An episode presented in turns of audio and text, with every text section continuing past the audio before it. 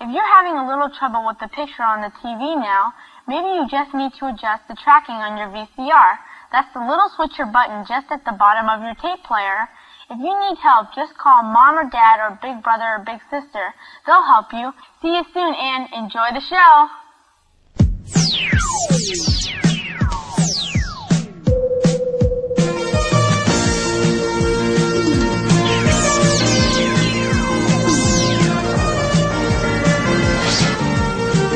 This is the View Review Podcast Tracking. It's totally rad.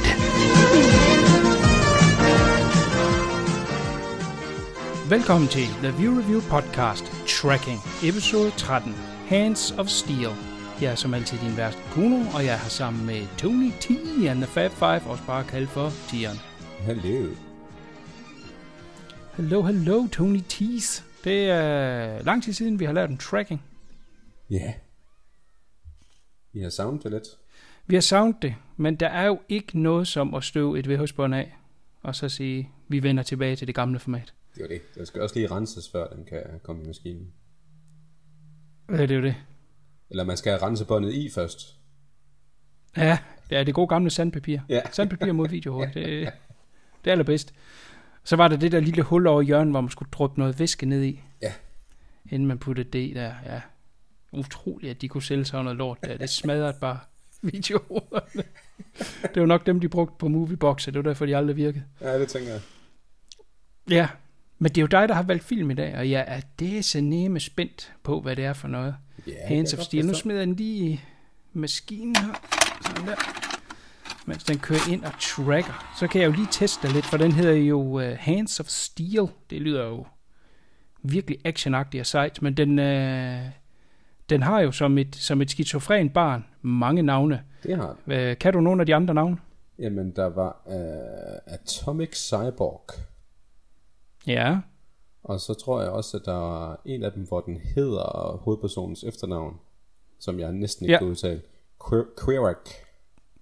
Quark, ja, det hed den på dansk, og på, i Frankrig hed den Atomic Cyborg, det er rigtigt. Holland, Hands of Stone. Ja. Her er en, jeg er helt vild med. Det er i Hongkong og Malaysia. Der hed den Return of the Terminator. De, er ikke helt, de, de tog ikke helt fejl der. Nej, nej, nej, nej, nej. I Norge, der tænkte de så uh, Arms of Steel. Mm. Og i Spanien, Destroyer. Ja. Og så de kære tyskere med Paco, Kampfmaschine des Todes.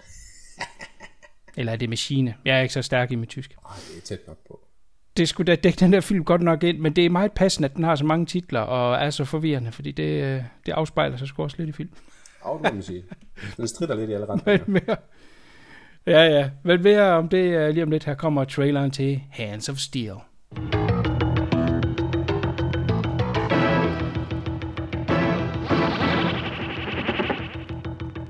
Proceed with mission as directed. And don't let there be any mistakes. Neutralize. Neutralize. No! Just follow my orders. We won't fail.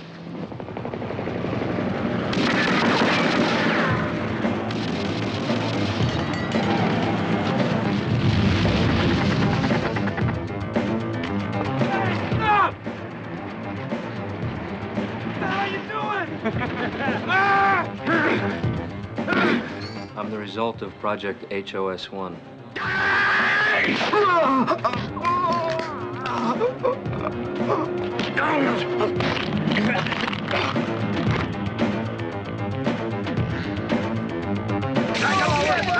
Go do it! It!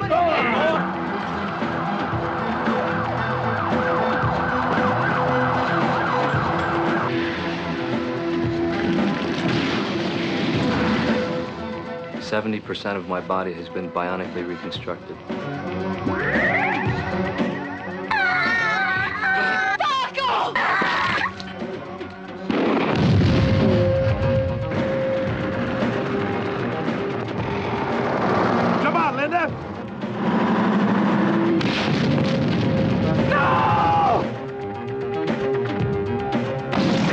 Oh, you're dead!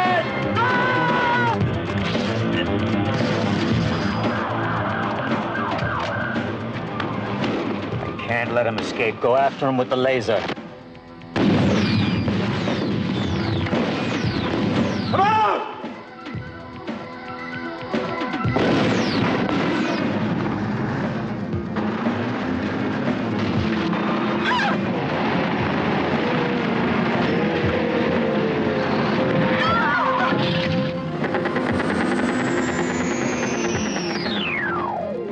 Hands of Steel 1986. Paco er en cyborg på en mission. Da den mislykkes, må han tage flugten fra bagmænd og FBI. Han ender i Arizonas ørken på en bar, hvor hans menneskelighed bliver sat på prøve.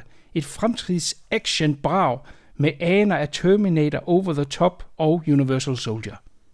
Yes, prøv at tage din. Det er stort set det samme. Den er bare lidt mere dybt af...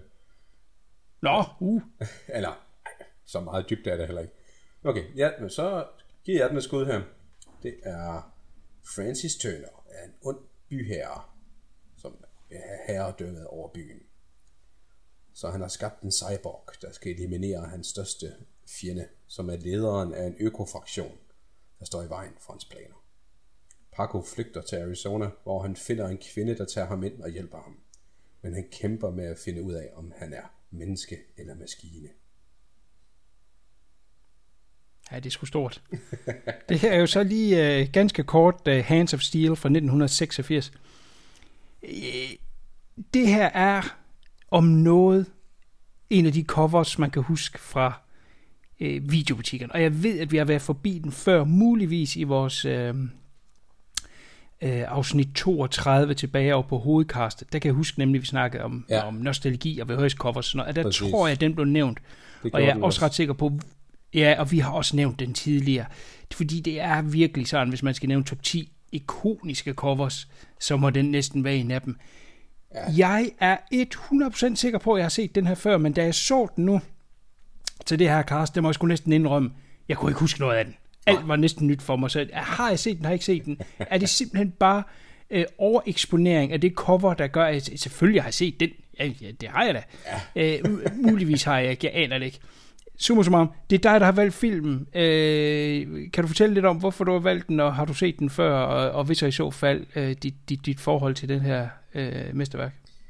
Ja, mesterværk, ja. Øh, altså, det er endnu en af dem, som jeg fandt på, på VHS-hylden på den lokale tank.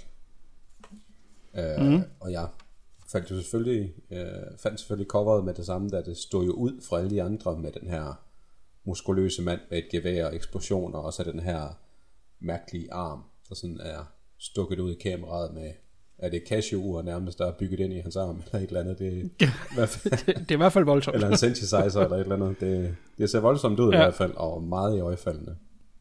Mm. Øh, ja, jeg så den dengang, og jeg synes, den var mega sej, og der var nemlig både armlægning og eksplosioner og skurke og damer, og ja, der var nærmest alting i den her.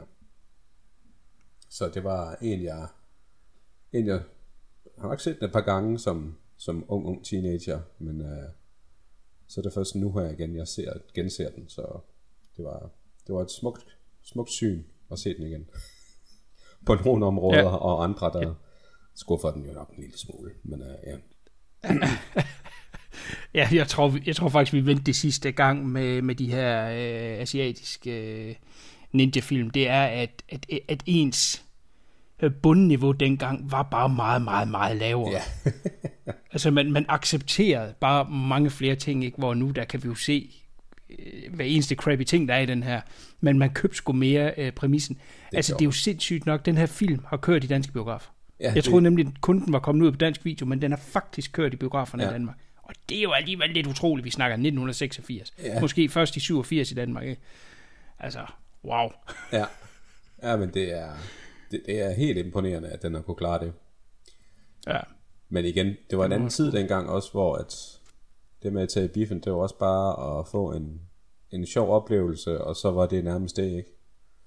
Jo, øh. så var det også en anden pris, kan jeg huske. Der var jo, der var det tirsdag eller onsdag, eller der var sådan et eller andet dag, hvor det var halv pris, eller kan man sige, dengang kostede en billet, hvis jeg tror, det var 35 kroner eller sådan noget, så hvis du kunne komme ind til ja, en 15, 15 kroner, 20 kroners penge, Det det. så var det måske meget fint, så, så satte man ikke de store spørgsmålstegn ved det. Øh, men ja, stadigvæk. Nogle gange får man sgu chok over, hvad der kørt i bil. Ja, den, den er ret vild, at den er, at den er ret vildt, at den er kørt i biffen. Hvor lang tid Ja. den så har kørt, det er jo så ikke helt til at vide, men, øh, Nej, nej, nej, nej, nej. Højst sandsynligt ikke synderligt lang tid. nej, men øh, Den har nok ikke haft det store box office. Nej, det tænker jeg heller ikke. Men det er også, altså, som du også selv sagde, eller som det tydeligvis er, også med cover, og vi snakker cyborgs og så videre, det er jo, Terminator har jo været en stor indflydelse på den her. Ja, og det er jo det klassiske italienske. Det er, at der kommer et hit, Ja, øh, højst sandsynligt fra Amerika, i et eller andet genre, eller en, en, en, en, en undergenre af, af, af, en, af en genre-type film, og så griber de bare fat i det, og så ja. sprøjter de det bare ud.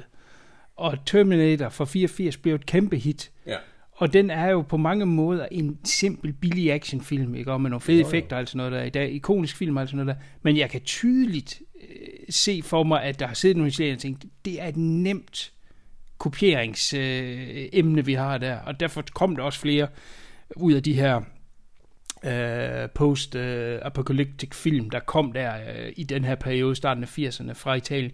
Der skulle ikke meget tweaking til, før at vi var over i noget med Terminator, og det er også ligesom den her øh, ligger lidt op til, at det er en fremtid, ikke en ikke langt frem i tiden. I hvert fald ikke forhold til alle andre ting, end anden måske lige, at de kan lave cyborgs. Men altså, de kører jo mere eller mindre i de samme biler. Jo jo, men øh, altså, byerne ser næsten lige sådan ud, ikke? så det kan ikke være mange år frem i tiden. som jeg kunne lure mig frem til, så skulle filmen foregå i 97, ikke? og den er lavet i 85, så Ja, skudt i 85 og Ja. ja. premiere 86. Ja. ja, det er ikke meget, de har givet en øh, af løbesnor der. nej, ikke i forhold til, at der Må- er cyborgs rundt, det, øh, de havde en god Nej. tiltro til, til folk. Ja, det må, der, det må de have haft. Nå, men hvis vi skal gå lidt i kødet på den her, det er jo altså en af de mere vanvittige film, øh, jeg har set. Øh, som sagt, jeg er næsten sikker på, at jeg må have set den, men det var som at se den for første gang, for det var så meget, jeg ikke kunne huske. Og ved du hvad, det tror jeg, de fleste har på den måde, fordi hvis man har set den for 20-30 år siden, så er der sikkert nogle key øh, scener, man kan huske, og det er ligesom dem, man har taget med sig. Når man så ser det her fuldstændig vanvittige plot, der bare kaster sig i forskellige retninger, øh, så kan jeg godt forstå, at man tænker, Jesus, er, er jeg sikker på, at jeg har set det før? Der er så meget i en film, der egentlig er så lidt, når det kommer til stykket Jo jo. den, den starter i det her øh, lidt dystre fremtidstid, øh, tid, hvor vi øh, over, øh, eller under øh, startteksterne ser folk, der bor på gaden, der er meget fattigdom. Tydeligvis samfundet har, har fejlet noget, der er stor øh, fattigdom. Vi finder også ud af, at der er meget forurening. Og så er det, at der bliver introduceret de her øh, det ligner nærmest sådan nogle plakater fra Stalin-tiden, men med den her person, som kommer med de her øh, dogmer, om man vil, øh, om at øh, mennesket ikke har nogen fremtid. Ja. Og det finder vi så lidt ud af, at det er fordi, vi skal støtte den her øh, forsker, som, som, som har en sammenslutning bag sig, som mest af alt måske minder lidt om en kult. Øh, jeg kunne ikke lade Ja. med at have de tanker, fordi de går i samme tøj. Det er sgu sådan lidt, lidt pudsigt. Ja, præcis. Ja, han bliver sådan fremhævet som øh, ypperste præsten eller et eller andet, ikke? Ja, lidt ikke, øh, men han er så en forsker, og, og, og han har så selvfølgelig nogle modstandere, det er jo så egentlig det, der sætter hele det her i gang, fordi der er nogen, der vil øh, have ham stoppet og slået ihjel. Ja. Øh, og det er så det, der ligesom sætter den her plan i gang, og, og om, om det er den smarteste plan, jamen det skal jeg ikke gøre mig herover. øh, man, har vel, man har vel sat sig ned og tænkt, øh, jeg vil gerne slået den her mand ihjel, fordi at han øh, sætter en kæp i hjul på mine øh, industriplaner og, og, og udnytte det, øh, samfundet mest muligt. Så jeg tænker, at jeg gerne vil slå ham ihjel. Hvad muligheder har jeg for det? Han bor så på det her hotel, ganske øh, ubeskyttet. Der står lige nogle enkelte nede på gaden med gevær, men derudover så kan man bare gå ind på øh, hotellet. Ved du hvad? Jeg laver sgu da en cyborg. Det gør du da. Selvfølgelig gør jeg det. Og så får jeg ham sendt ind. Det er sgu da det mest øh, oplagte. Ja. Det er altså, det hurtigste. det er... Øh, ja, jeg kan vide, hvor længe den plan har været undervejs. Og det kan lade sig gøre om 30 år. Ja, okay. Altså, det er, er virkelig skørt. Øh, Det ved vi selvfølgelig ikke på det her tidspunkt, og det er også en ting, jeg, jeg undrer mig lidt over undervejs. Det kan vi også komme forbi, når vi kommer senere ind i den. Men nu ved vi jo, den, øh, den øh, udgave, vi så her, den hed øh, Atomic cyborg. Ikke? Så har vi coveret med, at han er cyborg i armen, og, og de her øh, Terminator stik, der er undervejs, at der er nok noget omkring ham. Men hvis det nu bare havde heddet øh, en mand på flugt, eller whatever, Ja. så tror jeg faktisk lidt, at de lægger op til, at vi skal ikke vide, at der er noget overnaturligt, før et godt stykke ind i filmen. Nej, men de, de prøver jo også sådan at holde det lidt skjult. Ja, lige nok det. Altså, det, på den måde kan man sige, at, at, at du får ikke meget at vide fra starten af. Du, du skal være, Nej. være med på præmissen og følge med for at finde ud af, hvad han er for en person, og hvad der egentlig skete her i de første ja, 10 minutter af filmen. Ikke? Ja. Som er, at han ankommer til det her hotel, som han så åbenbart har booket sig ind på på et tidligere tidspunkt, og derfor har adgang til uh, hotellet. Uh, rimelig varmt hotel. Det kan Ja. ja. ikke koste mange basører at bo på. Nej. uh, set-designet igennem filmen har de her rør overalt, og det er også bare simpelthen, så er det future, ikke? Uh, Ja. Sådan lidt uh, Brazil-agtigt, ikke? Der skal bare være rør over det hele. Og uh, med god snigteknik, så kommer han så op til den her uh, uh, forsker, og skal så til at slå ham ihjel, men forskeren kommer, så han, han er fået blind, kommer så med en lille tale, som, øh, som åbenbart taler lidt til hans menneskelighed. Vi skal så alligevel tro, at han slår ham ihjel. Det viser sig så, at øh, det har han ikke gjort. Og det er så en af de her dominobrikker, der sætter det hele i gang, Ja. fordi at hans plan jo så øh, mislykkes. Samtidig begynder han at have nogle tanker omkring, øh, hvad er jeg, øh, man og machine? Jeg, jeg er blevet indstillet til at gøre det her, men jeg vil det faktisk ikke. Ja. Så det, der ligesom sætter det hele i gang. Samtidig kommer der også noget af de mest åndssvage ting ud af det her, som vi skal grine af lige om lidt. Øh, fordi der sker jo det, han overlever. Jeg ved godt, jeg springer lidt i handlingen nu, men jeg bliver simpelthen nødt til lige at tage det med det samme. fordi han er jo en ret kendt person, og åbenbart elsket af, af folket Ja. fordi han vil det her gode, øh, grønne øh, fremtid. Den, den, filmen på den måde er måske mere aktuel i dag, end den var Det dengang. kan man godt sige, ja. Øh, ja, okay, der var selvfølgelig Greenpeace dengang. Men han overlever så, og efter et par dage, så vågner han så op på hospitalet. Og så kommer FBI, og så skal de jo lige have at vide, øh, hvad han kan give af oplysninger omkring den her, øh, det her morforsøg. Og han kan jo så ikke sige, hvad han har set af gode årsager, fordi han er blind. Men han er jo så blevet ramt af et eller andet. Ja. Og så, så spørger de ham, så, kan du beskrive, hvad du var ramt af? Altså, jamen, det var ikke ret stort, men Nej. det var hårdt. og det er det information, som de her to FBI-folk, de har at gøre med. Og den ene, hun er så åbenbart rimelig færm på en computer.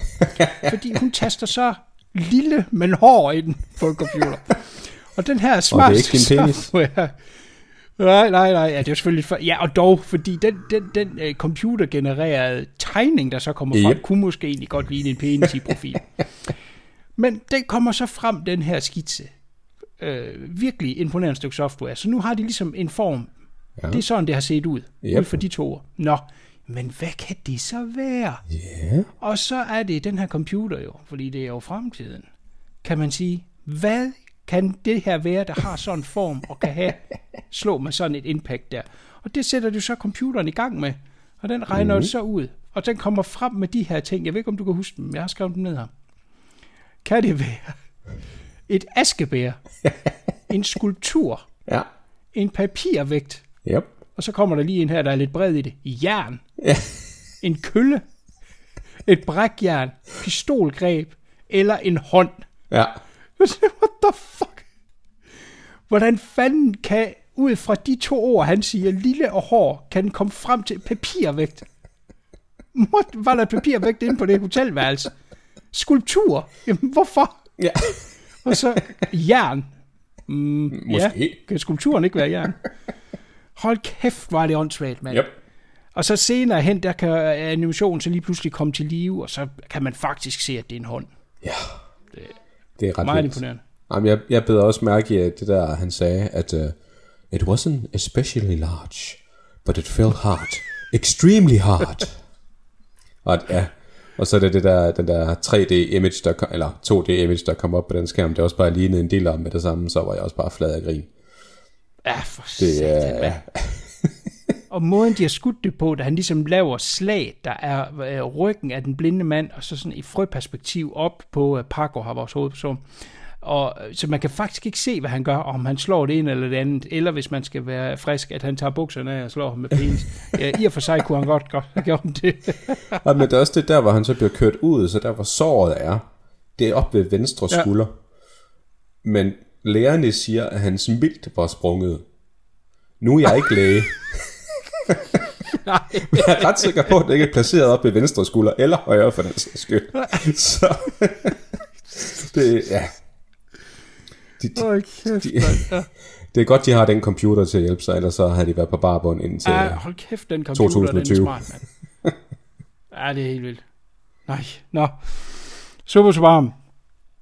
Uh, han bliver selvfølgelig opdaget, at han er derinde for at prøve at slå ham her ihjel, og han stikker så af fra uh, hotellet og der kommer så først indikation af, at han måske ja, kan lidt mere end uh, et normalt menneske, for han hopper ned i det her uh, manhole ned i uh, kloakkerne. Og hvorfor at man så har uh, højspændingsledninger, der bare Ja, nede i kloakken. hænger... Øh, ja, nede i kloakken. Ja, har man det? Jeg tænker vand og, og elektricitet. øh, Det er ikke den det går bedste kombi. hånd i hånd.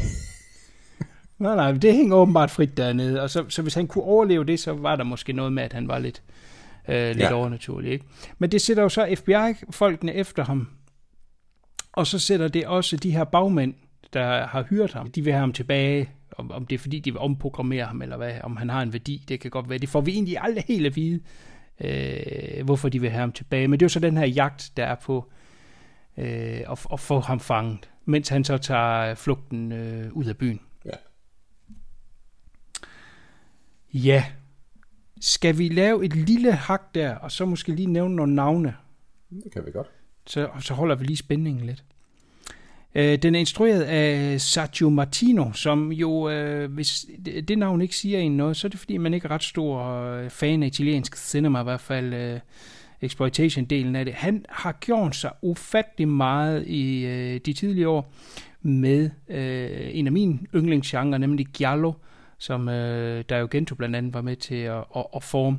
Og der hoppede alle instruktører også på det i Italien, og, eller de fleste, hvis de ikke lavede spaghetti western, så lavede de øh, Giallo Eller begge dele. eller begge dele, ja det gør Martino også, men øh, hans helt store fjer i hatten, det er altså Giallo-filmene, og der nævner jeg lige et par titler her af nogle øh, ret store klassikere, det er i hvert fald nogle af de tunge øh, i genren.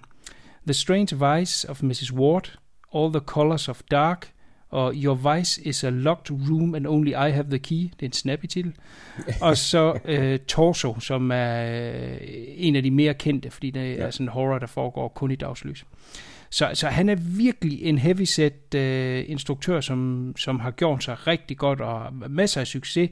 Slår sig så blandt andet på de her øh, øh, post-apocalyptic film, som, som øh, kommer her i, øh, ja det er så efter, hvad hedder det, Mad Max i starten af 80'erne, og, og, og, og- der begynder kvaliteten altså lige at falde noget. Øh, jeg vil sige, man kan ikke se på dem eller på, på uh, Hands of Steel, at han skulle være en mesterinstruktør.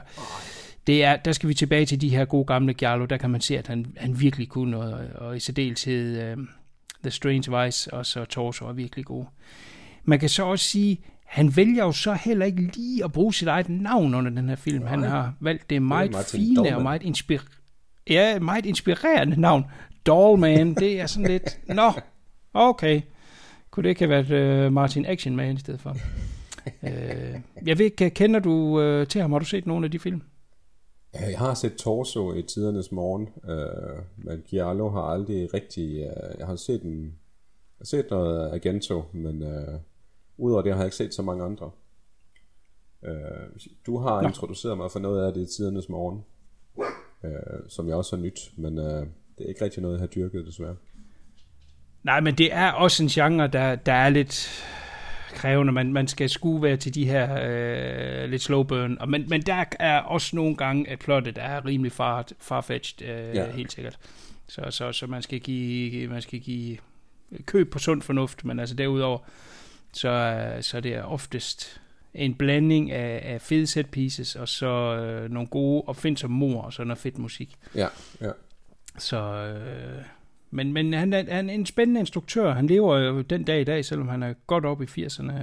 Stoppet med at lave film for nogle år siden godt nok, men en interessant karriere, hvor man kan sige, at han faldt lidt med på den her bølge af, af de her low-budget film, som kom, der pengene egentlig var gået ud af italiensk film. I, I den her periode, der var det mest actionfilm, der var man færdig med at lave horror egentlig. Det, det var virkelig, virkelig lidt, der kom ud, øh, og, og, og dem, der prøvede, for eksempel Fulci, som var med, da det virkelig var stort, hans film var også pisse low budget på det her tidspunkt, og ikke øh, særlig interessant. Der var faktisk kun Argento, der kunne holde skruen lidt i vandet øh, på det her tidspunkt. Så det var øh, action, øh, low budget action, det var øh, exploitation, det var det, det var mest det, der, der kom på det her tidspunkt. Ja. Good. Det var den gode Sergio. Uh, Paco, han bliver spillet af en mand, der hedder Daniel Green, Ja. som uh, havde uh, sleben hans tænder, skuespillertænder, på Falcon Quest op til den her Ja. film. Uh, jeg vil sige, at hans skuespil passer måske meget godt til Falcon Quest. Uh, han, han prøver lidt måske at, at kopiere lidt af den gode uh, Arnold fra, fra Terminator med at være stoneface ikke vise for meget følelse. Ja, Uh, så det er også okay. Han skal jo trods alt forestille være halv robot, halv menneske. ja det er det. Jamen, han har faktisk gjort det okay senere i hans karriere, hvor han uh, blandt andet har været med i en håndfuld af Farrelly-brødrenes uh, komedier. Ja. Blandt andet Kingpin, hvor han spiller Woody Harrelsons far, og Me, Myself and Irene. Så han har gjort det uh, okay, og han ser ud som om, han også har smidt håndklædet i ringen, men hans sidste film trods alt var uh, Green Book, som vandt uh, en Oscar for et par år siden, uden at jeg Ja. skulle have set den, eller ej ved, hvor stor rolle han har. Men han er da trods alt med i Det er ikke specielt stor, den rolle, vil jeg sige. Nå, okay, okay, okay. Fair nok. Har du set Green Book? Ja, ja, det var ganske fantastisk, synes jeg. Nå, okay. Ja, ja. Det er bestemt et kig værd. Det er da stadigvæk et skridt fremad fra, fra den her så til en øh, Oscar-vindende film, selvom man, man har en lille rolle. Absolut. Men altså, der var også Wheelchair Ninja i uh, Dum og Dummer, for eksempel. To. Ja, sådan. ja, ja. Så, så jo, det, uh, han, kan, han kan lidt, men at det virker som om, det er sådan nogle små, sjove, lidt aparte roller, der ikke er alt Ja. for meget screen time i, han uh, har nappet hen over de sidste mange år. Ja. Vil du kalde ham en, øh, en, en, en action skuespiller? Men det kender jeg ikke nok af hans, hans, uh, hans bagkatalog til. Men uh, jeg vil sige, Nej, at... men, øh, men han, han viser jo ikke meget her, kan man sige. Altså, hans, det er jo ikke, fordi han sådan, øh, hverken kan noget fantastisk karate eller noget, men han er sådan rimelig built. Altså, han er, øh, Jo, jo, altså, Der er jo en jeg vil vis sige, han, er, han er god til at lægge arm, jo. Ja, ja, det kommer vi tilbage til. Jo, jo, jo, jo, jo, nu må du ikke ødelægge noget. Det er jo en af de gode twists.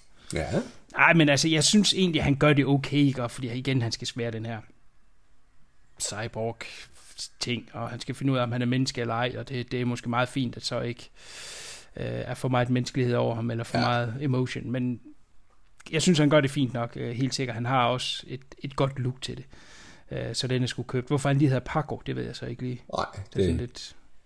han, han ser ikke så så specielt det der- mexikansk ud, vel?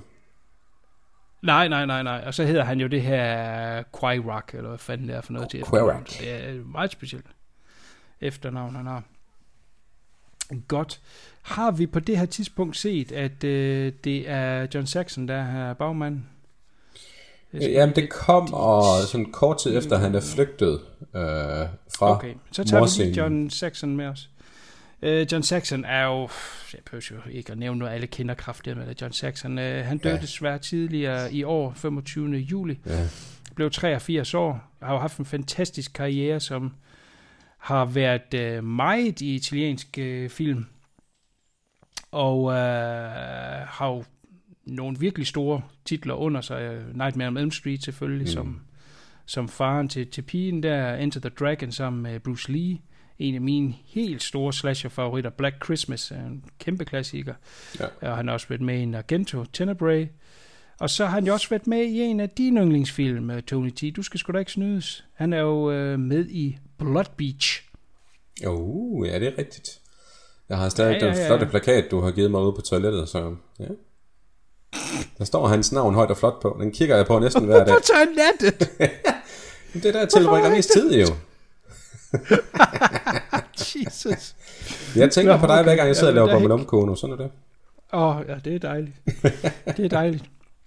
Ej, men han er jo en fantastisk øh, øh, karakter, som har, spredt øh, sin karriere så, så, så meget, som han nu kunne. Og ikke fordi han er noget stor øh, skuespillertalent, men han har altid gjort det godt, og jeg synes, han har en karisma og en, øh, øh, hans stemme, og jeg har altid rigtig godt kunne lide ham.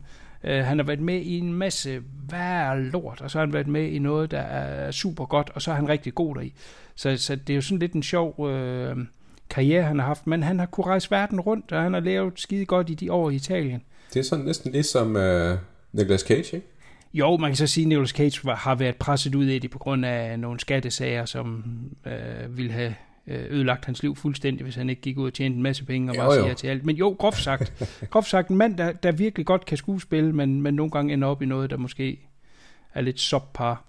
Ja, præcis. Øh, men generelt vil jeg sige, over hans karriere, som nok har strukken sig 50 år, jamen er- der, der er virkelig meget at tage. Og Ja, der er meget guld det her, det Ja, jeg, jeg har, nu kan vi komme ind på det senere, men det her er vist noget af det sidste, at han laver, som ikke er amerikansk og under øh, SAG-forbundet, fordi øh, Ja, de ting, de lavede i Italien, det var jo lidt under nogle andre forhold, det var det. hvilket øh, fik en stor konsekvens i den her film, men det, Ja, det det, det kan vi lige vende tilbage til, når vi er nået øh, så langt. Godt, men det var lige en introduktion til de personer, vi, vi, vi har strejfet nu. Altså, der er den her øh, bagmand, som er spillet af John Saxon, som er, er ham, der har sendt øh, Pargo afsted. Og nu er han så på flugt, og øh, her får vi så endnu en indikation på, at vi er i fremtiden, fordi der er noget så fancy som syreregn, som syrer igennem hans, øh, hans bil. Og så derfor så bliver han nødt til at, at, at få en ny smart bil. Øh, hvad er det, de har siddende oven på bilerne? Er det noget, de har ladet sig inspirere fra øh, tilbage til fremtiden, eller hvad? Jeg ved det faktisk ikke. Det ser Det, super det er sådan en mærkeligt ud. antenner eller et eller andet, som ligger hen, og ja, de ser fucking åndssvagt ud. Igen, noget med noget rør, der kan stikke ud, og så ser det fremtidsagtigt ud. Men Præcis. bilerne er sådan nogle fra øh, starten af 80'erne, slutningen af 70'erne, altså der er ikke noget, der er ikke noget fancy over dem overhovedet. Nej, det, jeg tænker også, det er sådan noget, det de havde til overs fra set pieces fra hotellet, de møjte oven på bilerne, og så kørte vi. Så slap it on, så kører det sgu nok. Men han så får øh, byttet til en ny bil, som så øh, også går i stykker, eller han smadrer den på grund af, at radioen ikke virker. Jeg er ikke lige helt klar over det. Men i hvert fald, så får han smadret den også, og så er han så på fods i, i øh, Arizonas øh, ørken her. Og Ja, der er har jeg lige hele. en, lille ting der også.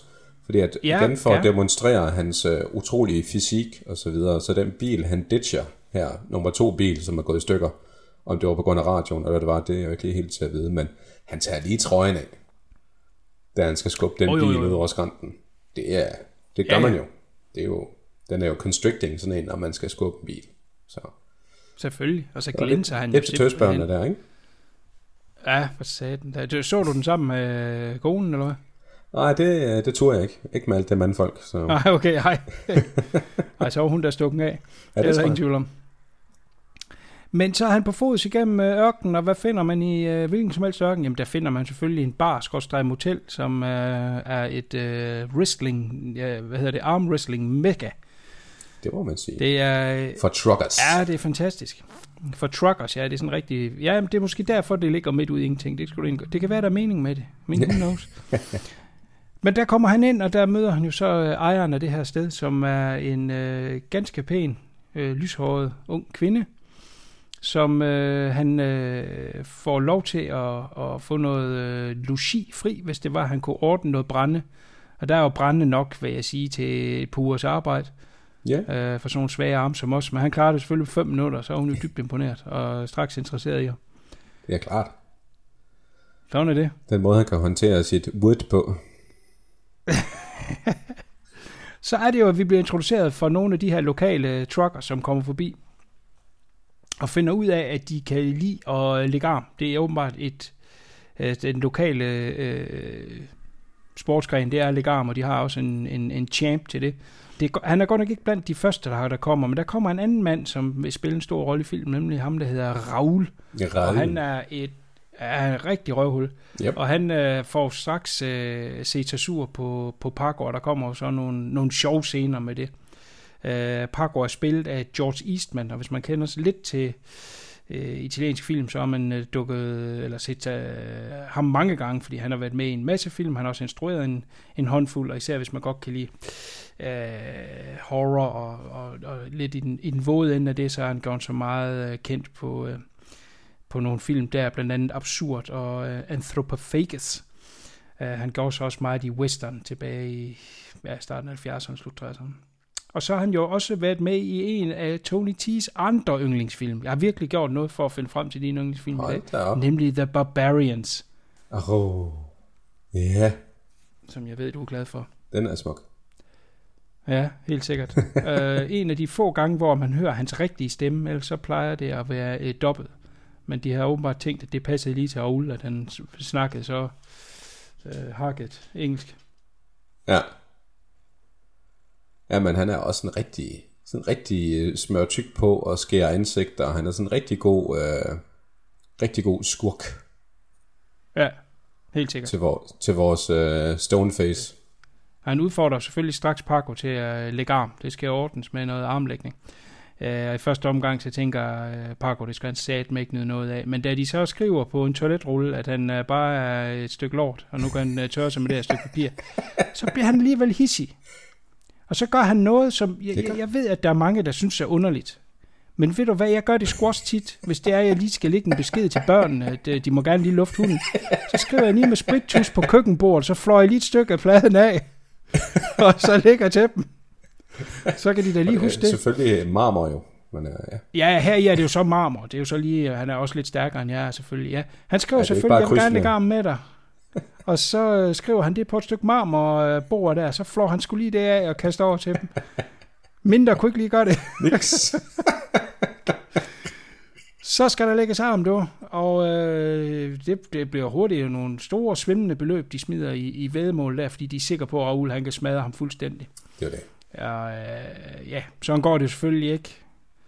Vores gode Paco-ven her, han øh, vinder, og så bliver de selvfølgelig sure alle sammen, og så vil de banke ham. Men igen, så viser han jo hans øh, excellente kung fu. Jeg forstår ikke helt hans kampteknik, det der med at sætte armene på skrå, Ja. eller på, altså som sådan en kryds. Ja. Og så er det fordi, han kan svinge dem hurtigt, eller hvad? Jeg ved det ikke, men i hvert fald så banker Jeg tror, han. han er med i X-Men eller et eller andet. Ja, ja, sådan noget lignende. Ikke? Og så er hele barn smadret, og Linda, hun står der helt chokeret, og så i stedet for lige måske at smide dem ud af barn eller et eller andet, så siger han bare, øh, jeg rydder op i morgen. Øh, Jeg er træt, ja. jeg skal i seng. Så ligger de bare sønderbanket over det hele der. Ja, jeg rydder skulle lige op i morgen. Fuck det.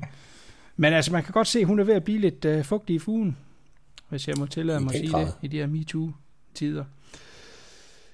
Men det er jo ikke værre end, at øh, øh, Raoul han tænker alligevel, ah, så må han skulle udfordres af den store mester, som har sit billede hængende ind på, øh, på baren her. Yep. Og det, øh, det må han jo så gå modvilligt med til Paco. Øh, men inden han når så langt der, så øh, bliver han skulle lige kaldt ud til en redningsaktion. Der er nemlig en bil, der er kørt ud over en skrant Ja. med nogle børn i. Og så må han heller lige ud og redde dem. Og det, så låner han jo en bil af Linda der, og hun er så, åh, oh, min store held der. Så kører han derud for at skulle øh, øh redde de her børn, kommer ind til sådan en skrant, og der er godt nok en bil ned for den skrant der, man kan høre de børn der, de græder. Og så er der en øh, uh, tow truck, og så får han sådan uh, snoren der fra uh, wiren fra tow trucken rundt om sig, og så feed ned til bilen, hvor han så finder ud af, der er en båndoptager inde, der afspiller de her lyde, der er slet ikke nogen børn. Og så går det op for ham, at det er Raoul, der står bag. Og han stikker så, øh, eller stikker af, han sætter, øh, han sætter i gang i bilen der, og så slæber han simpelthen Paco efter øh, bilen, der han er jo færdig smadret, og så bliver han øh, hængt helt op i, i øh, enden på den der tow truck, og så får han ellers tisk med et kæmpe jernrør, Yes. øh, i håbet om, at han ikke kan nå op til den her Kamp med match champion. med den bedste, ja, med den store champ i øh, armlægning. Jeg ved ikke helt, hvad de vil få ud af det. Øh, hvad altså, tænker du? Så er der ikke nogen kon- øh, konkurrence, så, så er der jo ikke nogen armlægning, så får de ikke en fed aften. Altså, jeg forstår ikke helt, hvordan... Nej, jamen det er jo den her film for helvede, altså. Altså, der er ikke rigtig en logik i det. De kommer ikke til at vinde nogen penge, og de kommer ikke til at, at, at få Nej. uh, en værdig modstander, og ja, alting er mærkeligt ved det. Det er som om, at Raoul måske havde lidt på fornemmelsen, at Champ ikke kunne slå ham alligevel. Ja, det så hvis han nu lige bankede ham, så kunne Men omvendt, så... Ja, måske ville han også bare hævn for at have fået tæsk på, bare, Ja, det på aftenen inden. Men summa summarum, nu klipper vi til baren, hvor den store champ er kommet ind. Og øh, Raoul står der og siger, jamen hvis han ikke kan dukke op her, så... De har efterladt ham ude i, i, i, i ørkenen, hængende bag på den der truck der. Ja. Hvis han ikke kan dukke op, jamen, så har han jo tabt kampen. Og hvem kommer så ind? Jamen, det gør Parko selvfølgelig. Han er sluppet fri. Vi aner ikke, hvordan han er sluppet fri. Hvordan han er kommet derhen. Vi aner det ikke. Nu står han der, og nu skal der lægges arm.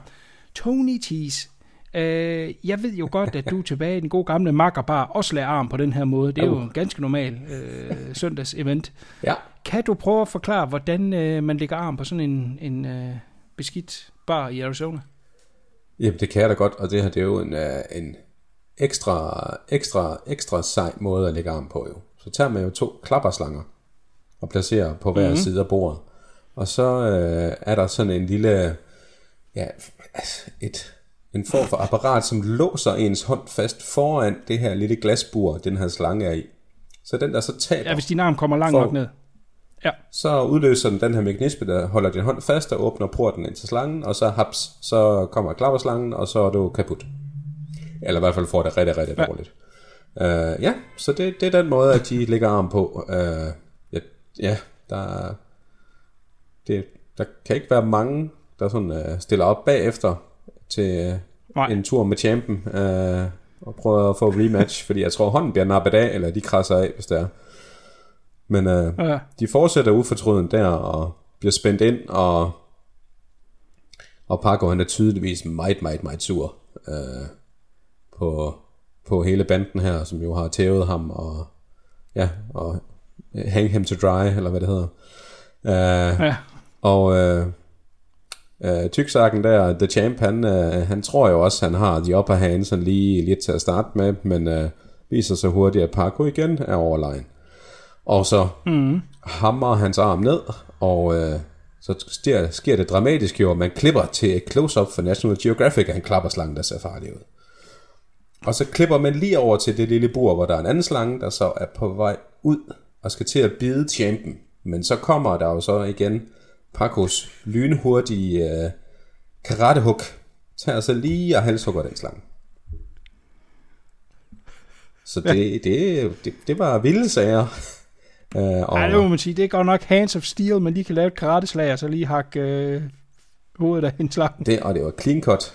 Det kan man se Clean cut, ja, ja, helt ja. tydeligt. Og utrolig nok, hans hånd nedenunder blev jo ikke øh, skadet. Nej, men det, han har, tro, når der han kom har jo timing. Han er jo robot jo. Han kan jo stoppe sådan en lige øh, efter slangen. Ja, det er rigtigt. Ja. Tony Tease, nu har du set den her før. ja. Hvad synes du om det her armwrestlings subplot, som faktisk fylder en del i filmen? Jamen, det er jo hele skal man sige, udviklingen nærmest af Paco, der er det her armlægningsnåde, øh, og skurke, der er imod ham, ikke? og man finder ud af, at han er et godt menneske, og skal ud og redde de her børn, og så videre. De er jo også, så det er jo også en del af det, det er jo hele midtersektionen af filmen nærmest, der er ham, der, der viser mm. hans menneskelige side, og har styr på rigtigt og forkert, og al den slags ting. Ja, det er noget værre råd, det bliver smidt midt i det hele. Men det er lige før, det er noget af det bedste af filmen. Ja, ja og utrolig nok er det et år før uh, Sylvester Stallone og Over the Præcis. Top kom. Jeg var lynhurtig inde at tjekke op på det, nemlig også med Over the Top, Ja. med hvornår den blev produceret, og det, altså, de havde stort set premiere samtidig med, at de var, var i gang med at filme Over the Top, ikke? Ja, Så, så de har overlappet der er skurken hinanden. jo også en skaldet med skæg. Altså det, det, går lidt igen, det går lidt igen, kan man sige, Det nogle man ting. sige. Og der er også en re-release. Der er en re-release poster til Hands of Steel, som må være kommet efter Over the Top, hvor at der ikke er noget med, at hans arm er øh, øh, cybernetic, men hvor at han, der er en lastbil, der kommer kørende mod os, som kigger på Ja. cover, og så står uh, Paco med hans arm op, spændt, og så ud mod os, så hans arm bliver koloenorm, og så rundt Ja. om hans arm, der er der sådan en slange, som, som måske minder lidt mere om Over the Top øh, med, med lastbiler og truckers. Ja, Ja, det gør ja, Joshua ja. Truckers her i, men, men, men det fylder da trods alt ikke så meget, som det gør i Over the Top. Så jeg ved ikke, om de sådan lidt bagefter har tænkt, at vi kan hooke den på den her store film. Det tror jeg det er helt sikkert, de har gjort. Det er skørt. At også er der en, øh, en, en eller anden øh, tekniker, eller et eller andet, de har kendt, og sagt, at det næste store med Sylvester Stallone, det bliver noget med armlægning. Oh, så skal vi også have det med. Det er jo ikke til at vide, om de har haft nogle insider. Nej, nej. Men det er et sindssygt lille subplot. Altså ikke som, at det er forhold til stort og lille, men det, det, det er et sindssygt subplot. Ja. Øh, fordi alt imens det her det sker, for vi skal også lige tilbage til hovedhistorien jo, Ja. der er der jo de her FBI-folk, der er på jagt, og vi bliver så også introduceret for flere af de her skurke, som Ja. John Saxon nu sender afsted, dem skal vi til at snakke om lige om lidt, ikke? Det er ligesom det, som film reelt set handler om. Det her, det er jo bare at trække tiden ud. Det Den er sige. præcis 90 minutter, eller jeg tror faktisk, den er 89 minutter. Ja. Ikke? Og de har jo reelt set kun måske haft 45 minutters historie, og så resten, det er bare pile on, pile on, pile on for at op og patte tiden. Og det her er armwrestling, som jo ikke rigtig... Ja, altså senere, øh, uden at afsløre for meget, øh, så får Raoul senere en del omkring resolutionen af filmen. Og det gør Champen egentlig også. Ja. Men vi kunne jo have introduceret dem på en lidt anden måde. Måske kunne de have været der alle sammen på samme aften og lagt arm en gang det- øh, første aften, og så var det ligesom ude af verden. Så havde vi lært, at uh, Raoul var en nar, og Champion var måske egentlig ikke sådan en dum svin alligevel. Og så var det videre med det. Det her det er noget, der kører over to dage, og vi skal snakke utrolig meget om det. uh, det, det, det, det fylder for meget og patter for meget tid, men det er selvfølgelig pisse sjovt, ikke? Og, og er med til at gøre den her film ekstra charmerende, at den er et trafikuheld af forskellige historier, der bare er kastet sammen. Jeps. Jamen, altså, så har vi ikke Yes. haft to Nå. seje armlægningsscener, vel? Det skal du også tænke på. Ja, ja, ja. True that, true that. Nå.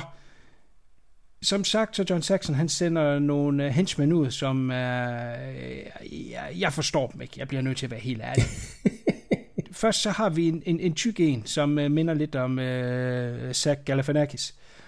Og han er på ja. Et tidspunkt afsted med en, som øh, de to, de er inde og afhører ham, der ligesom har opfundet cyborgs. Ligesom forskeren, der, ja. Der, der står bag det. Han vil så ikke hjælpe dem, fordi han har fundet ud af, at de bruger cyborgs til at være øh, øh, legemorder. Øh, og så derfor så dræber de den her forsker. Da de så skal væk fra hans hus af, så skyder Zach øh, Galifianakis øh, hans makker. Hvorfor gør han det? Ja. For, for, I don't know. De, de fik det ikke... er sat med weird. Ja, men det, det er sådan, det er, jeg undrede mig også over det, men et eller andet med, at man, der var ikke ligesom nok resultater i ham makkeren her. Ham Zach Galifianakis Ja, det er der, det, at de fantastisk skuffet. Ja. ø-navn, du har givet ham der, men øh, øh, det er meget rammende. Men han er jo nærmest bare sådan en uh, chaperone for de her andre Ja. hitmen, så hvis han, synes, de ikke gør arbejdet godt nok, jamen, så nakker han dem. Det er sådan, jeg ser det. Ja. Og det er nok ikke øh, øh, helt galt. Øh, men i hvert fald så kommer der en ny øh, lead bad guy ind, som er, er, er, er højre hånd til John Saxon. Og øh, han er også øh, rimelig øh, kort for hovedet og får skudt nogle øh, hoveder undervejs. Øh, han hedder Claudio Casanelli, den her skuespiller, og øh, gør det ganske fint her i, og øh, ligner et dumt svin, og, og, og skuespiller et dumt svin. Men han fik jo desværre en øh, hård skæbne under den her film, Ja, vi skal nok vende tilbage til senere, hvad det er for noget. Øh, men de to, de er så på jagt øh, efter ham, og, og, og, og kommer også helt frem til, til, til den her bar, hvor, hvor det er på. Og nu begynder ting altså virkelig at blive fucking weird. uh, vir, virkelig at blive weird. Fordi der, ankommer jo så et par på ja. motorcykel her, som skal indlogeres på det her motel. Og hun ejer, øh, hvad det, leger det også ud på timebasis, så hun må jo vide, at der er nogle prostituerede, der skal ind og have Ja. en omgang tissemand. Det er også fint nok. Nu kommer de her så ind, og de øh, booker så et værelse, og kommer ind på værelset, og så begynder de straks at råbe og skrige om, hvor, hvor rådent det her det værelse er, i sådan en grad, at Linda, hun alligevel tænker, øh, ej, jeg skal lige ind og høre, om de skal have et andet værelse. Ja. Øh, da hun så åbner døren, så bliver hun hævet ind og bliver taget til fange, og får banket en kniv i låret, så hun kan skrige, Ja, og det er alt sammen for at lokke Paco ind. det er det. Øh, han hopper så ind i vinduet og surpriser dem i stedet for at, at komme ind ad døren, og så ko- kommer der så en slåskamp. Manden han bliver skudt, og han skyder sådan set egentlig også kvinden. Øh, han bliver også selv skudt, men han er jo en cyborg, han kan ikke dø. Det kan kvinden så heller ikke, og nu viser det sig, at hun er også en cyborg. Yeah. Og ikke kun det, hun siger øh, ifølge hende selv, at hun er den sejeste cyborg i hele verden. Og hun har et lille fingerbøl på hånden, som hun kan sådan rive ham i halsen, og der sker ikke rigtig noget. Men, men, men de slår sig utrolig meget Ja, og, og, og, og klip tilbage til, hvor de her to henchmen står ude foran og holder øje. Jeg troede, det var dem, der var på jagt efter dem. Ja. Hvorfor er det nu cyborgs? Hvor kommer de fra? Jamen, det De er jo, først lige kom hen til motellet. Hvornår har de kunne få fat i de cyborgs? Ja. jeg tænker, at det er noget, John Saxon han havde en backup plan. Han har ligesom sendt dem afsted fra starten af også, samtidig med de andre, og så, øh, ja, se øh, hvem der kom først. Ja, det, men det kan sgu godt være. Det er bare, at de dukker pludselig op, og så finder vi ud af, at hun er en cyborg. Og de har så et eller andet øh, latterlig kamp, der ender med, at hun får revet hovedet af. Øh, okay lavet, men ja. øh, stadigvæk fældig primitivt. Jeg har helt sprunget over en lille ting, og det er, at de har henchmen udenfor, ikke? og de har sådan en søgepistol. Ja. Det, jeg vil sige, hvis jeg skal lave en top 3 over, hvad jeg grinte mest af i den her film, så er det her i hvert fald på top 3. Den animation, der er på den her, ja, hvad, hvad er det? Er det noget varmesøgende? Ja. De har simpelthen ikke kunne lave det ordentligt, ikke? Og vi snakker 86 i 87 kommer Predator. Jeg ved godt, de havde flere penge og sådan noget der, ikke? Ja. Men hold nu kæft, mand. Det ser så grimt ud. Det ligner sådan noget 8-bit computerspil fra slutningen af 70'erne. Ja. På en helt grøn baggrund. Nej, nej, nej, hvor er jeg rig. Fuck, mand. to, to, to pixels, der står... Du, du, du, du. Oh, der er to mennesker derinde. Han spiller pingpong. ja, hold kæft, det var svagt. Nej, nej, nej, nej, nej. Jeg vil også lige sige, at hende, hende uh, cyborg-kvinden, der kommer der, hun er jo så også uh, iført uh, plastik shorts, gennemsigtige plastik shorts. Ja, de er frække. En, en del af outfittet, jeg tænker også, det må lugte for, for derved tunfisk eller et eller andet, sådan, som hun har siddet på den motorcykel i Arizonas ørken. Men, uh, Klassisk dig at tænke på det. Men jeg synes faktisk, at den kamp der var, var sådan rimelig vellykket, ja, som du også sagde. Det, det så okay ud for tiden. Og pengene. Ja, ja. Det Ikke mindst Vi pengene. kommer tilbage til øh, effektmanden senere. Ja. Øh, Paco og Linda, de øh, lykkes os med at stikke af, og de får så skudt øh, Zach Galifianakis karakteren, og nu har de så kun ham her, øh, højre hånd øh, på slæb, og han begynder så noget kommunikation med John Saxon i en helikopter, og de jager ham så, øh, eller de to, øh, Paco og, og Linda, som nu er i en bil, øh, i helikopter, ender op ude på en kæmpe jernbro, som så er spærret af Raoul, som, øh, som de har fået med ind over deres plan. Bastard. Og ja, det røvhul. Og han vil jo selvfølgelig bare hævn, så han ender med at, at, at smadre deres bil op mod øh, nogle klipper. Og øh, så kommer Paco så ud og smadrer øh, Rauls hoved, simpelthen maser det. Yes. Og så er det, at filmen den begynder at tage et lidt øh, dystert øh, et twist i forhold til virkeligheden. Fordi nu sker der en masse helikopterjagt. Og Ja. det, der sker i virkeligheden, i virkelighedens virkelighed, det er, at øh, den her store jernbro, som øh, den her slutscene, eller øh, noget af slutscenen øh, foregår på, der er det meningen, at den her helikopter skal flyve ind under. Og da de optager film, sidder ham her, Claudio Casanelli, som jeg nævnte sidst øh, tidligere, som er øh, John Saxons højre hånd.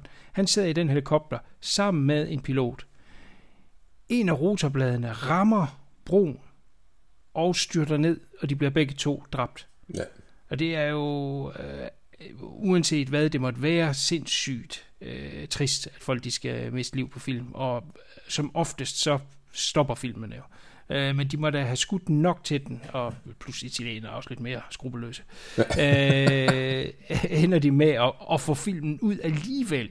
Øh, men den bliver altså lidt handicappet i den sidste del, og det synes jeg godt, man kan mærke, fordi man klipper op til John Saxon, som grund det her, og på grund af noget med, øh, som jeg nævnte tidligere med, at han, han lavede film uden for Amerika, og, og, og øh, så er der nogle ting, man ikke må forhold til SAG, altså noget der. Øh, så, så hans scene er skudt i en helikopter, men som ikke flyver. Altså, øh, det, det er bare sådan en nærbillede. Og så Ja. prøver de sådan at dække baggrunden med en, der sidder med en kæmpe styrthjelm, ikke? og så øh, laver helikopterlyd henover.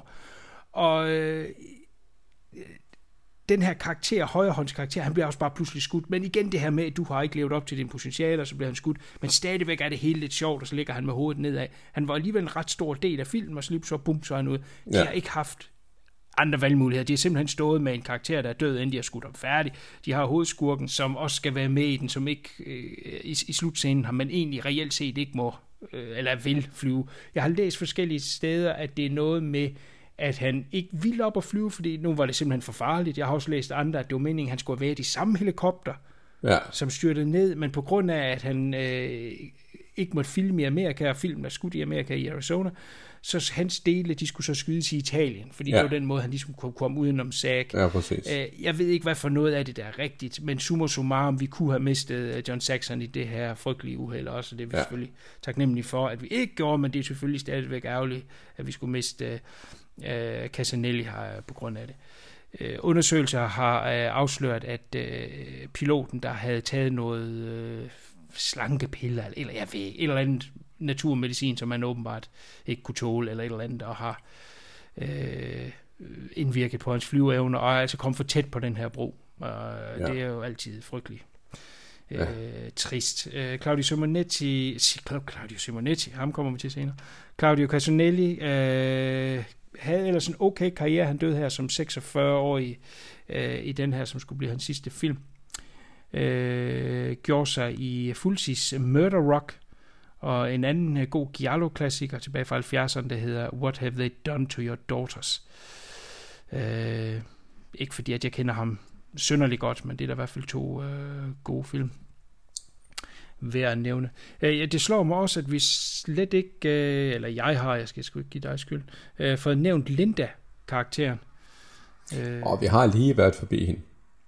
vi har lige været forbi hende, men det er jo en øh, svensk model skuespillerinde, som hedder Janet Ågren, som øh, blandt andet gjorde sig i Red Sonja, Yep. og så var hun med i en god håndfuld erotiske film i slut 60'erne og start 70'erne, wow. Wow. inden hun slog sig på, på lidt mere øh, horror og action, blandt andet i uh, Fulcis Gates of Hell, også kendt som City of the Living Dead, Eden Alive, som er en øh, kanibalfilm. Og så hvis du virkelig vil imponere nogen, øh, Tony T, så skal du se en, øh, en, en god tør giallo, der hedder Mysteri, som er fra starten af 80'erne af. Og det er simpelthen, hvis jeg skal komme med et trumfkort, når jeg sidder i en uh, gruppe mennesker, som har set utrolig mange film, og jeg ligesom skal komme med noget, de ingen mennesker har set, Ja, så er det Mysteri.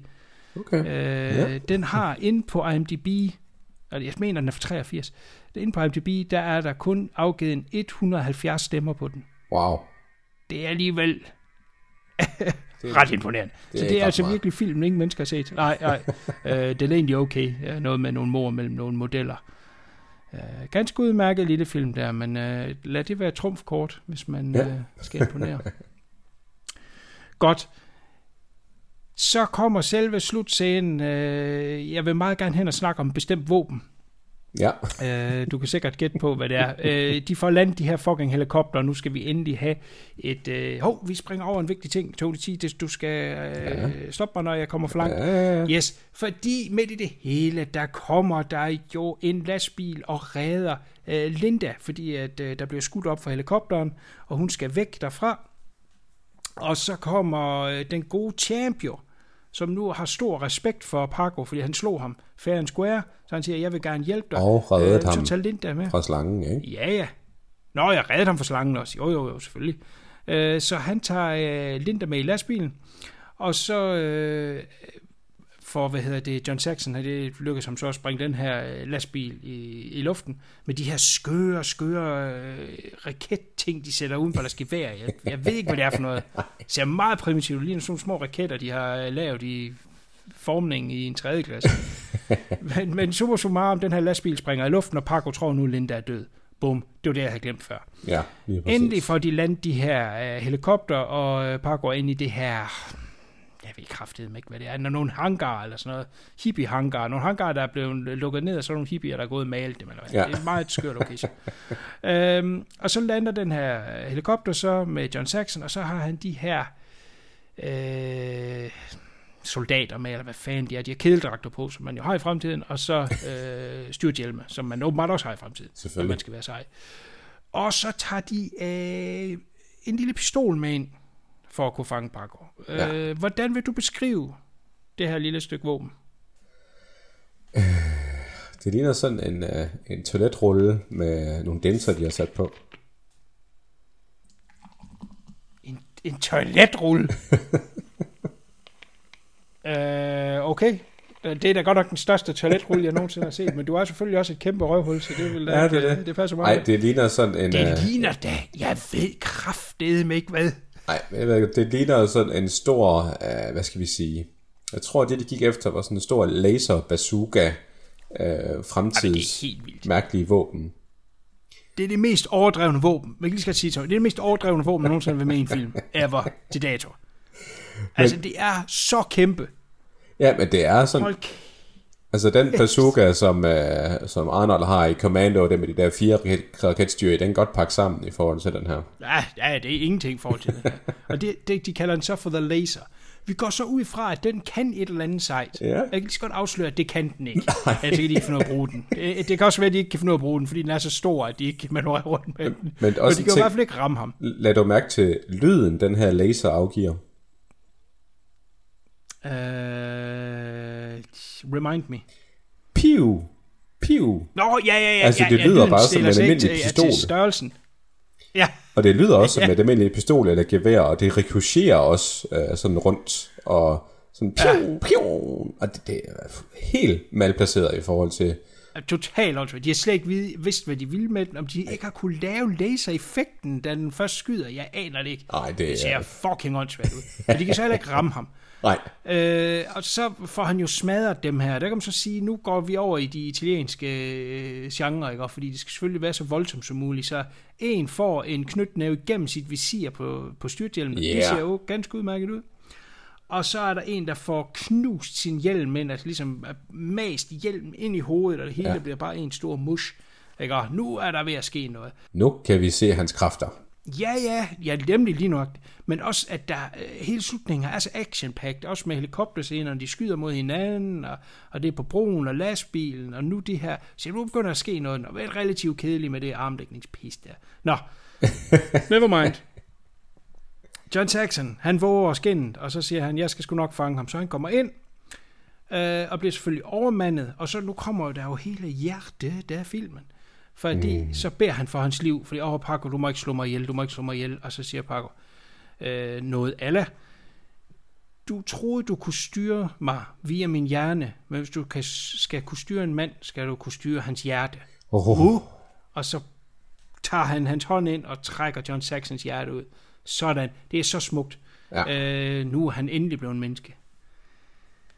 Ja, Men desværre har han jo mistet Linda, fordi hun døde jo. Ja, Imens så bliver hangaren omringet af øh, politi og FBI. Og, hov, hvem er det, der dukker op der? Jamen, Det er sgu da Linda. Juhu! Fordi hun overlevede. Ja, ja, ja, ja. Hun blev reddet af The Champ. Han sørgede for, at hun kunne overleve. Og hun prøver så at øh, at få ham overtalt igennem The Bullhorn der. Jeg er i live og sådan noget der. No, Linda's dead. Øh, nærmest øh, i bedste Rambo-stil, ikke? Adrian! Aaron! Men hun får så alligevel øh, fundet ham inde i hangaren der. Og så, selvom at han lige var kommet frem til hans menneskelighed, så er det øh, alligevel, vi kan ikke være sammen. Eller hvad fanden er det? Altså, øh, hun ligger jo op til, at der kan være en happy ending, og han kan blive til en mand igen, som hun siger. You can be a man igen. Der skal hun være hurtig i hvert fald. ja. Øh, ja, og hvilken del er det, hun snakker om? Ja. Øh, han siger på et tidspunkt, han er 70% øh, cyborg, 30% mand. Øh, så det, det kan være, hun er interesseret i, hvad del øh, tissemanden er. Nå, øh, nu, øh, det er et ordentligt kast, det her, Tony T. Jeg skal snakke sådan noget sprog der. Fy. Nej, men i hvert fald så tror hun på en happy end, øh, men han løfter lige op i hårdt der og viser, at han har elektronik inde på hjernen og siger, for at se, sådan er jeg, jeg er en maskine. Så ja. det endte han med alligevel. Og så kommer der jo, øh, hvad jeg vil betegne som en af de mere interessante slutninger på film, jeg har set igennem mit liv. Fordi vi går simpelthen bare i en freeze frame. og så kommer der et øh, skilt ind, og, og skilt er sådan hen over billedet med ham. Men ja. øh, de har lige glemt at maske hjørnerne af det her øh, skilt af. Det, det er simpelthen noget af det mest primitive skilt, jeg har set i en film nogensinde. Jeg har trods alt set en del igennem årene. Yep. Skiltet læser som følger. It was a day in our near future. The era of the cyborg had begun. Jeg har ingen anelse om, hvad det betyder. Nej. Betyder det, at æren af cyborgs allerede var begyndt? Eller er det den her dag nu? Og hvad betyder det mere? Fordi forskeren, der lavede cyborgsene, han var jo død. Og han lavede Hvem bygger det videre? Ja, han laver grundforskning, men stadigvæk, hvem er det, der skal bygge det videre? Ja. Jeg, jeg forstår det ikke. Og, og hvorfor, er det, øh, hvorfor skal cyborgs til at tage over verden, med mindre at den prøver at lægge op til en eller anden form for Terminator øh, ideologi? Der kommer aldrig uh, uh, Feet of Steel, så efterfølgeren må vi jo vente på. Men, øh, Ja, der ja. kommer aldrig en toer der til, og jeg, jeg vil også godt købe, at det, jeg vil hellere have en dyster slutning, at de to, de tog i hånden og, og, og, og løb igennem blomster, ikke, mens de fløjtede. Men at stadigvæk, hold kæft for en slutning. Det, var, det føles måske lidt som om, at øh, producenten kom og sagde, øh, Ja, nu er der ikke flere penge. vi har sgu ikke flere penge. Der, ja. Vi kan sgu ikke skyde den sidste scene. Øh, Nej, så... Det- det må jeg, blive jeg, skilt. laver bare sådan et skilt, hvor der står noget sejt på. Ja, så går et det nok. skilt. Og vi har ikke vi har ikke råd til at maske teksten ud, så, så, så man kan bare lige se kanterne af teksten, eller af, af, af skiltet, der er det indover. Det er lige mig. Skal med det? Altså, det er simpelthen, hold nu kæft, mand. Jeg ved, den er udkom, jeg så den bare på, øh, på øh, en, en, en billig kopi. Jeg ved, Ja. at den er ude på Blu-ray øh, i- noget renset udgave. Det kan være, at de har kunne rense det skilt derop. Øh, Må du har mærke til givet at det? bruge penge på det. At det er sådan... Øh, øh, lå du mærke til den kant, der var rundt? Jamen, jeg så den på YouTube, at det hedder, og det, der var en fin kant på. Ja, okay, okay. Ja, altså, det er, hold kæft, mand. Jeg elsker italiensk film. Det er tit, at de bare sutter lige på beatet. Ikke? Er, er, er en af de værste til... Nej, jeg kommer i tanke om to, men, men lad os nu lige tage den her en af Gento, i den, der hedder Four Flies and Grey Velvet, som slutter lige når en eksplosion skal til at starte. Det er lige sådan... Og så er der et stillbillede. Ja. Altså, hold kæft, mand. Så, så er der ikke... Øh, vi lå sgu tør film. Nå, okay. Så er det sgu slut. Der er ikke mere at gøre med. Og det er Fantastisk. smukt. Ja, det er det godt nok. Nå, men det var jo Hands of Steel, goddammit. Lad os lige nævne øh, nogle flere navne bagved, fordi der er jo også øh, plusser. Øh, jeg vil særdeleshed fremhæve musikken, som er komponeret af Claudio Simonetti, som har øh, gjort sig kendt med Goblin, og øh, blev hævet ind i øh, filmens uni- univers, øh, Argento tilbage i 70'erne med øh, Deep Red, og selvfølgelig det ikoniske soundtrack til øh, Suspiria, og har generelt lavet igennem årene til, øh, til horrorfilm og, og, og, og actionfilm i Italien.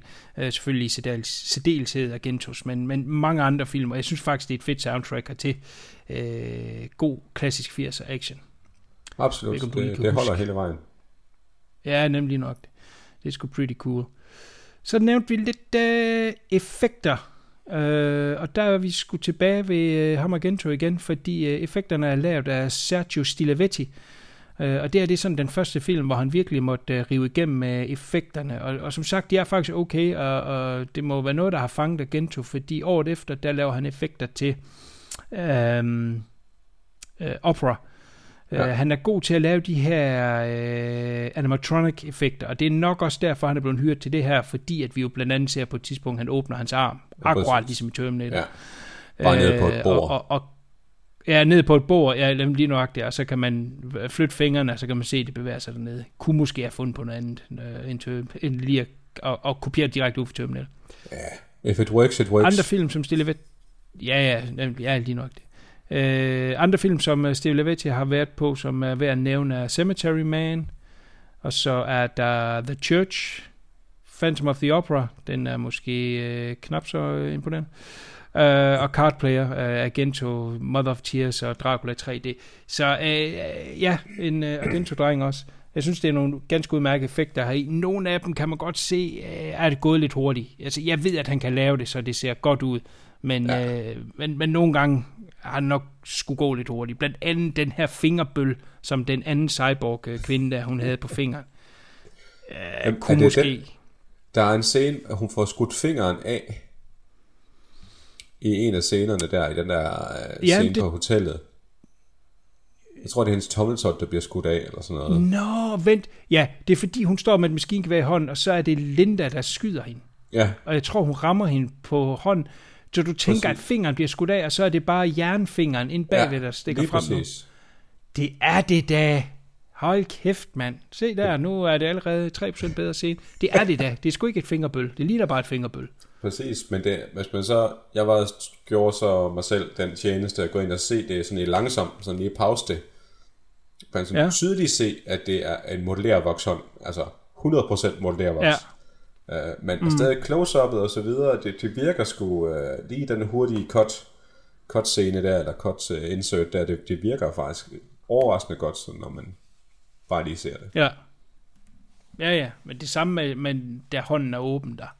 Ja, Og, og, og, og fingeren, altså, det, altså, der er jo ikke noget umiddelbart at sætte fingrene på. nej, Øh, altså det, old school hele vejen, og det, det, jeg synes godt det fungerer. Ja, ja, helt sikkert. Øh, hånden igennem visiret, der der smadrer ansigtet, og der, der han maser hjelmen ind. Ja, Det er sgu alt sammen øh, ganske udmærket. Øh, det kommer bare lidt sent i filmen. ja, Desværre, øh, Tony T. holder den her film. Det er jo et fucked up samsurium af alt muligt, som vi siger her, ikke? Ja, øh, øh, folk, der hører det her, men ikke har set filmen, tænker, hold kæft, de har øh, smider det der sammen med en skål. ja. Prøv at høre, vi har gjort det forståeligt. Forhold til, hvor fuldstændig uforståeligt er. Der er så mange ting, der ikke giver mening i den her film. Vi har prøvet at redde en lille smule forståelse i. ja. Øh, og, og det er det, der gør, at den har charme, og, og, og der er et eller andet fantastisk ved, hvor fucked up, øh, mislykket den er på mange måder, og så samtidig også pisse underholdende. Men, Præcis. men holder den? Er, er, er, den et, er den et kig værd? Nu har du så set den før, du havde noget nostalgi i at se den igen. Er det er det, det værd? Eller er det en af dem, man skulle holde sig fra? Så skal jeg nok svare på, om, om det er okay som et førstegangs kig. Jamen altså, jeg, jeg synes jo, at gensynsglæden var, var rimelig stor øh, langt hen ad vejen i filmen. Jeg kunne heller ikke huske alle de øh, sjove øh, twists and turns, den tager, eller retninger, den stikker i. Øh, men hvis, mm. man, hvis man kan lide øh, cyborgs, armlægning, og, og noget sej eksplosion, og, og, og, og ja, altså, altså det lyder lidt som en ridset plade på den måde, men altså jeg synes sgu den er kig værd. Altså igen det der med, hvis man lige får en lille smule underbag under vesten, eller et eller andet, så øh, og sidder med drengene, så kan man godt sidde og have den kørende, og, og have en lille fest over det, bare fordi at det er et stort Ja. trainwreck at kigge på, øh, hvis man bare prøver at følge en lille smule med. Øh, men Ja. altså en god film er det sgu ikke på nogen som helst måde, men øh, jeg synes den har, som du selv har sagt flere gange, den har en charme, fordi at den er bare, øh, den er bare sådan en lille grimt barn, man ikke kan lade være med at elske. Jamen det er det. Det er sådan rigtig, altså 80'er oddity, når det er allerbedst, ikke? Ja, øh, krydret godt med de italienske, som i forvejen oftest er lidt uden øh, logik. ja, Nogle okay øh, effekter, og bad guys er bad guys, og skurken, øh, eller hvad hedder det, helten er ekstra helte, glinsende, og der er en sød pige med, og fedt musik. Så den glider sgu okay ned. Du sagde, at du havde set den to gange i forberedelsen til det her. Jeg tænker, en gang for mig var nok. Øh, jeg ved ikke lige, hvornår jeg vender tilbage til. Jeg overvejede at købe den på den her Blu-ray fra, jeg ved den ude fra 88 ja, uh, Films i England. Uh, jeg ved, der er noget ekstra materiale med, blandt andet et 40 minutters interview med uh, instruktøren har um, Sergio Martino. Uh, det skulle hvis være den, den, der er billig, det skulle være derfor, ikke? Ja, jo, ja, enig. Det skulle være derfor. Ja, Øh, men er den billig en dag? Måske. Det er ikke noget, jeg vil løbe ud og købe. Men jeg synes, den er sjov at se, og som du selv siger, den ligger på tuben, og der vil jeg helt sikkert sige, øh, den er et kig værd. ja da. Absolut. Jamen, uh, tusind tak for kigget til uh, Hands of Steel. Ja, det var da så lidt. Næste gang, Tony Teeth. jeg tænker lige, at jeg vil rejse barn en lille smule. Åh, oh, En lille bitte smule. En lille smule mere skal vi ud af Italien? uh, kvalitet i kanten. Vi skal jo i Italien, vi skal til Amerika, og vi skal også se en film, som uh, har nogle af de lidt større stjerner med. Det er en film, jeg elskede i den periode, den kom frem, og jeg har ikke set den i, ja, siden nærmest. Det, det passer ikke, for jeg så den i nogle årrække efter, ikke? men jeg har i hvert fald ikke set den uh, siden midt-90'erne, så jeg glæder mig uh, styrligt meget til at se den igen og få den vendt sammen med dig. Uh, Uh, det er en film, som uh, ligger mig meget nær, og jeg glæder mig til at vise dig den, og den hedder Wisdom. Den hedder også på dansk underligt nok Wisdom and Company. Det er med A, A og med Emilio Estevez og øh, Demi Moore. Oh, Så øh, ja, og jeg glæder dig til at se Demi Moore i den her, fordi det er absolut toppen af hendes cuteness. øh, over i lidt mere drama, men, øh, men stadigvæk øh, plenty underholdende og, og masser at snakke om, det er jeg helt sikker på. ja. Så det bliver lidt et nostalgi-trip. Øh, så kan vi vende tilbage til de tossede film bagefter. så super. Wisdom næste gang. Jeg vil, øh, ligesom jeg gør på hovedkastet, lige slå en lille trum for, øh, for vores øh, Patreon. Øh, den her mulighed for lige at støtte os med et par håndører øh, per måned. Og det er, at man går ind på patreon.com og øh, søger derinde på The View Review podcast, der kan man vælge at donere et beløb. Jeg har sat et minimum, som er 3 euro, som cirka er 20 kroner. Jeg ved ikke, om det er for højt sat, som det har jeg snakket lidt med fluen om, men vi prøver det lige første omgang at have det på det. Man kan vælge at skrive et større beløb, hvis man synes, øh, vi er så nice. Øh, man betaler så de her 20 kroner om måneden til os, Øh, det går til at dække vores hosting, det, det går til at købe øh, udstyr, blandt andet Tony T har vi snakket om i dag her, øh, inden vi gik i gang. Han skal opgradere hans mikrofon, han skal have et ordentligt stativ og noget kabelværk. Øh, det løber alt sammen op, det er sådan noget, jeg tidligere har betalt, men jeg tænker lidt, øh, det kunne også være rart, der kom lidt den anden vej. Og det har du mulighed for ved at støtte os via Patreon med tiden er det meningen, at øh, der skal være en masse specielle ting for dem, der er inde i Patreon. Blandt andet, at der bliver trukket lod om film, så du kan vinde film. Øh, du kan være med til at vælge film, og generelt i et community omkring det. Så overvej det en ekstra gang. Jeg har slået mig på trum for, at der ikke sket så meget. Øh, og, og, og, og det kan være, at vi skal overveje at sætte den grænse lidt ned, det ved jeg ikke.